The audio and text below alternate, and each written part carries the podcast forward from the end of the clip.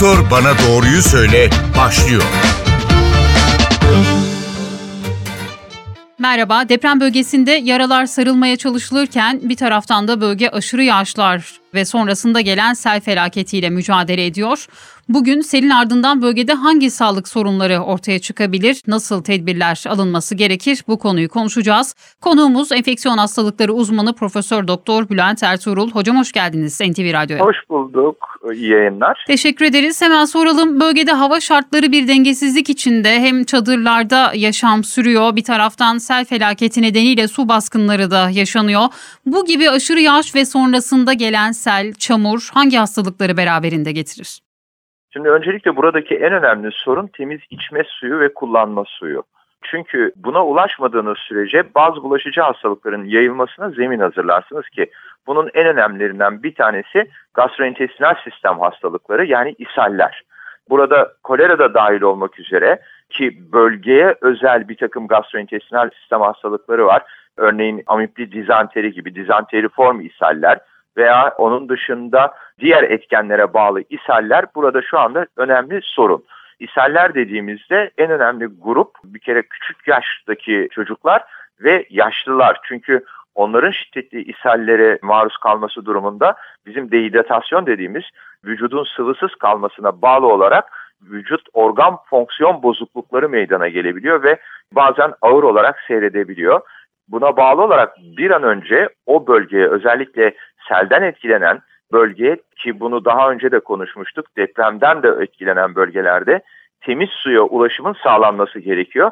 Temiz su derken hem içme suyu anlamında hem de kullanma suyu anlamında mutlaka temiz suya ulaşımın sağlanması gerekiyor.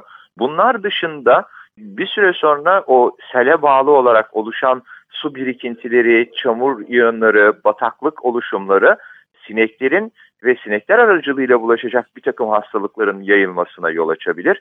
Bunların içerisinde hepatit A önemli bir yer tutuyor ki bölge aslında ülkemizde hepatit A'nın yani sarılık dediğimiz bulaşıcı sarılığın yüksek oranlarda görüldüğü yerlerden bir tanesi Urfa ve çevresi. Bu anlamda da buna karşı uyanık olmak eğer hepatit A'ya karşı kişiler bağışık değilse mutlaka bu bağışıklama çalışmalarının yani hepatit A aşılarının da yapılması gerekiyor. Ayrıca yine tetanoz orada önemli bir risk bölgede ve çevrede. Burada da tetanoz aşıları eksik olanların, tetanoz profilaksileri, korumaları eksik olanların mutlaka tetanoz aşılarını da yaptırmaları gerekiyor. Şimdi bunları birazdan tekrar açacağız ama ıslak zemini sormak istiyorum. Orada yaşam sürdürmenin nasıl bir zararı dokunur? Topraktan geçen hastalıklar olur mu ya da romatizmal hastalıklar görülür mü? Şimdi romatizmal hastalıklar konusunda çok bir şey söyleyemem. Hani o benim uzmanlık alanım dışında ama şunu söyleyebilirim. Islak zemin her zaman için mikroorganizmaların bazı bakteriyel etkenlerin çoğalması için bir olanak sağlar ve oluşacak yara infeksiyonlarında ciddi problemler yaratabilir bu. Çünkü kirli yaralanmalardır bunlar ve bu ıslak zeminde çoğalacak mikroorganizmaların o yaralara bulaşmasıyla ki depremden etkilenen ve yarası bulunan birçok insan var o bölgede. Ciddi infeksiyonlar, deri yumuşak doku infeksiyonlarına yol açarak sorunlar oluşturabilir.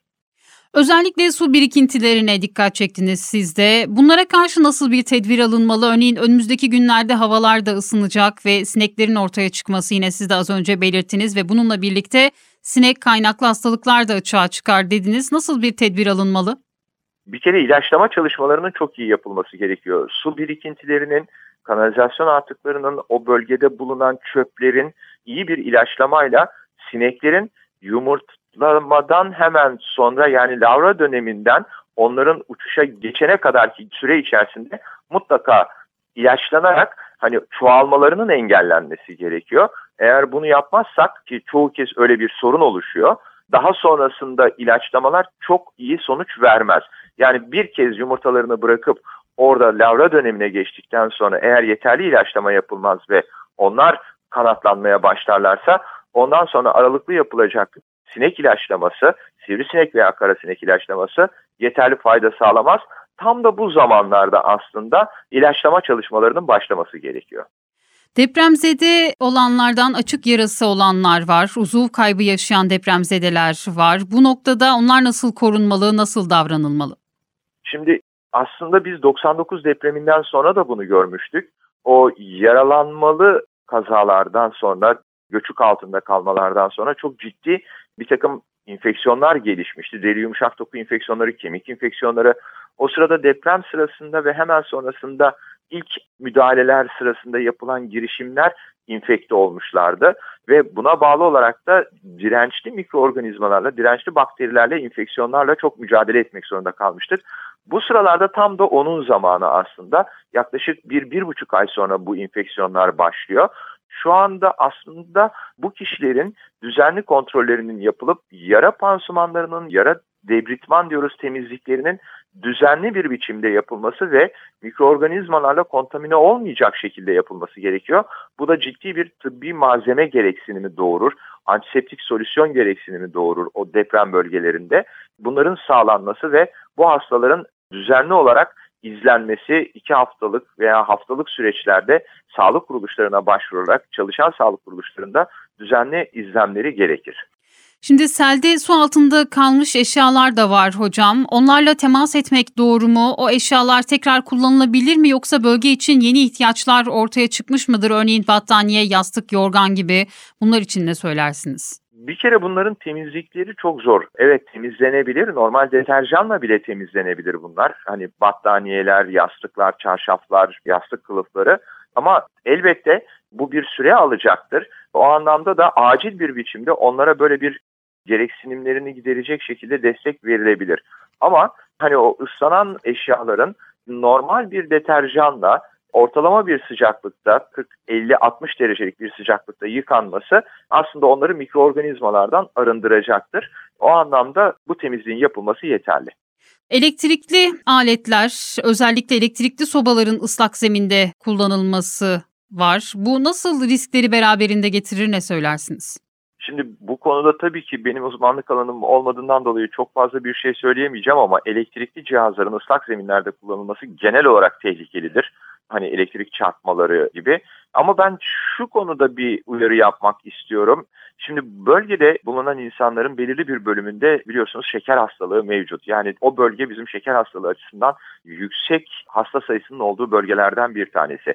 Şimdi bu hastalarda da bizim nöropati dediğimiz duyu eksikliği mevcut. Şimdi havalar soğuk gidiyor, ıslak gidiyor. İnsanlar mutlaka ısıtıcılarla kendilerini ısıtmaya çalışacaklar. Burada yanıklara çok dikkat etmek gerekiyor. Bu hastalar genellikle ısınmak için sobaların yanına, elektrikli sobaların yanına çok yaklaşıyorlar ve bir kez yanık olduktan sonra onların yaralarını tedavi etmek gerçekten sorun. Benim dikkatini çekmek istediğim nokta burası. Bu kişilerin bu sobalara kullanırken çevresindekiler tarafından da dikkat edilerek sobalara çok fazla yaklaştırmamaları, yanık sorunundan uzak olmaları gerekiyor. Aynı şekilde işte çocuklar özellikle yanıktan etkilendikleri zaman çok ciddi sorunlar olabiliyor. Hani bu anlamda bu konuya dikkat çekeyim ben.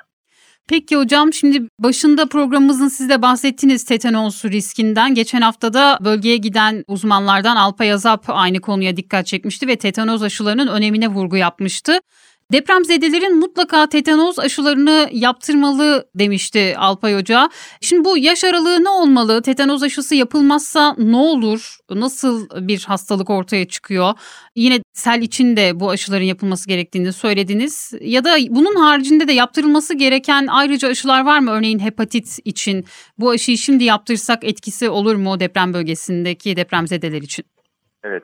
Şimdi tetanoz aşısı aslında bizim çocukluk çağında yapmış olduğumuz aşılardan bir tanesi. Difteri boğmaca tetanoz üçlüsüyle yapılır ve rapelleri de yapılarak belirli bir süre koruma sağlar. Fakat genellikle ülkemizde daha sonrasında çocukluk çağından sonra bir tek erkekler şöyle şanslıdır. Askere gittiklerinde bir kez daha tetanoz aşısı olurlar. Kadınlar da doğum yapmadan önce gebelik tetanozu açısından, yeni doğan tetanozu açısından tetanoz aşısı olurlar. Ve bu bir 5-10 yıllık bir koruma sağlar. Eğer bu süreler geçtiyse mutlaka ve mutlaka tetanoz aşısının anımsatma dozlarının yapılması gerekiyor. Tetanoz oldukça ciddi bir hastalıktır. Yoğun bakıma insanı sokabilir hatta ölümle sonuçlanabilir. Hani geçmişte zaten tetanoz tedavi edilebilecek hastalıklardan değildi. Şimdi de belirli bir oranda insan yaşam kurtulabiliyor ama eğer uygun tedavi yapılmazsa ne yazık ki ölümle sonuçlanabiliyor. Buna bağlı olarak mutlaka o bölgedeki insanların bir anımsatma dozu şeklinde tetanoz aşısını yaptırması uygun. Hatta zorunlu. Ayrıca şunu da söyleyeyim. Sadece o bölgedeki depremzedelerin değil, o bölgeye giden arama kurtarma çalışmalarına katılan, harfiyat çalışmalarına katılan her kişinin tetanoz profilaksisini yani tetanoz aşısını yaptırması, anımsatma dozunu yaptırması gerekir. Sel felaketiyle beraber gelecek olan gastrointestinal sistem hastalıklarında çok da elimizde bir şey yok. Yani yapılabilecek bir aşı yok. Burada sadece uygun taramaların, sürveyans dediğimiz tarama çalışmalarının yapılması gerekiyor ki eğer bir noktada o bulaşıcı hastalığı tespit edebiliyorsanız hemen orada sınırlayabilirsiniz diye mutlaka tarama çalışmaları yapılmalı. Ama hepatit A ve hepatit B aşıyla korunabilen sarılık hastalıklarıdır. O bölgede eğer hepatit A ve B aşıları ki ülkemizde 98'den sonra hepatit B aşısı her yeni doğan çocuğa yapıldı.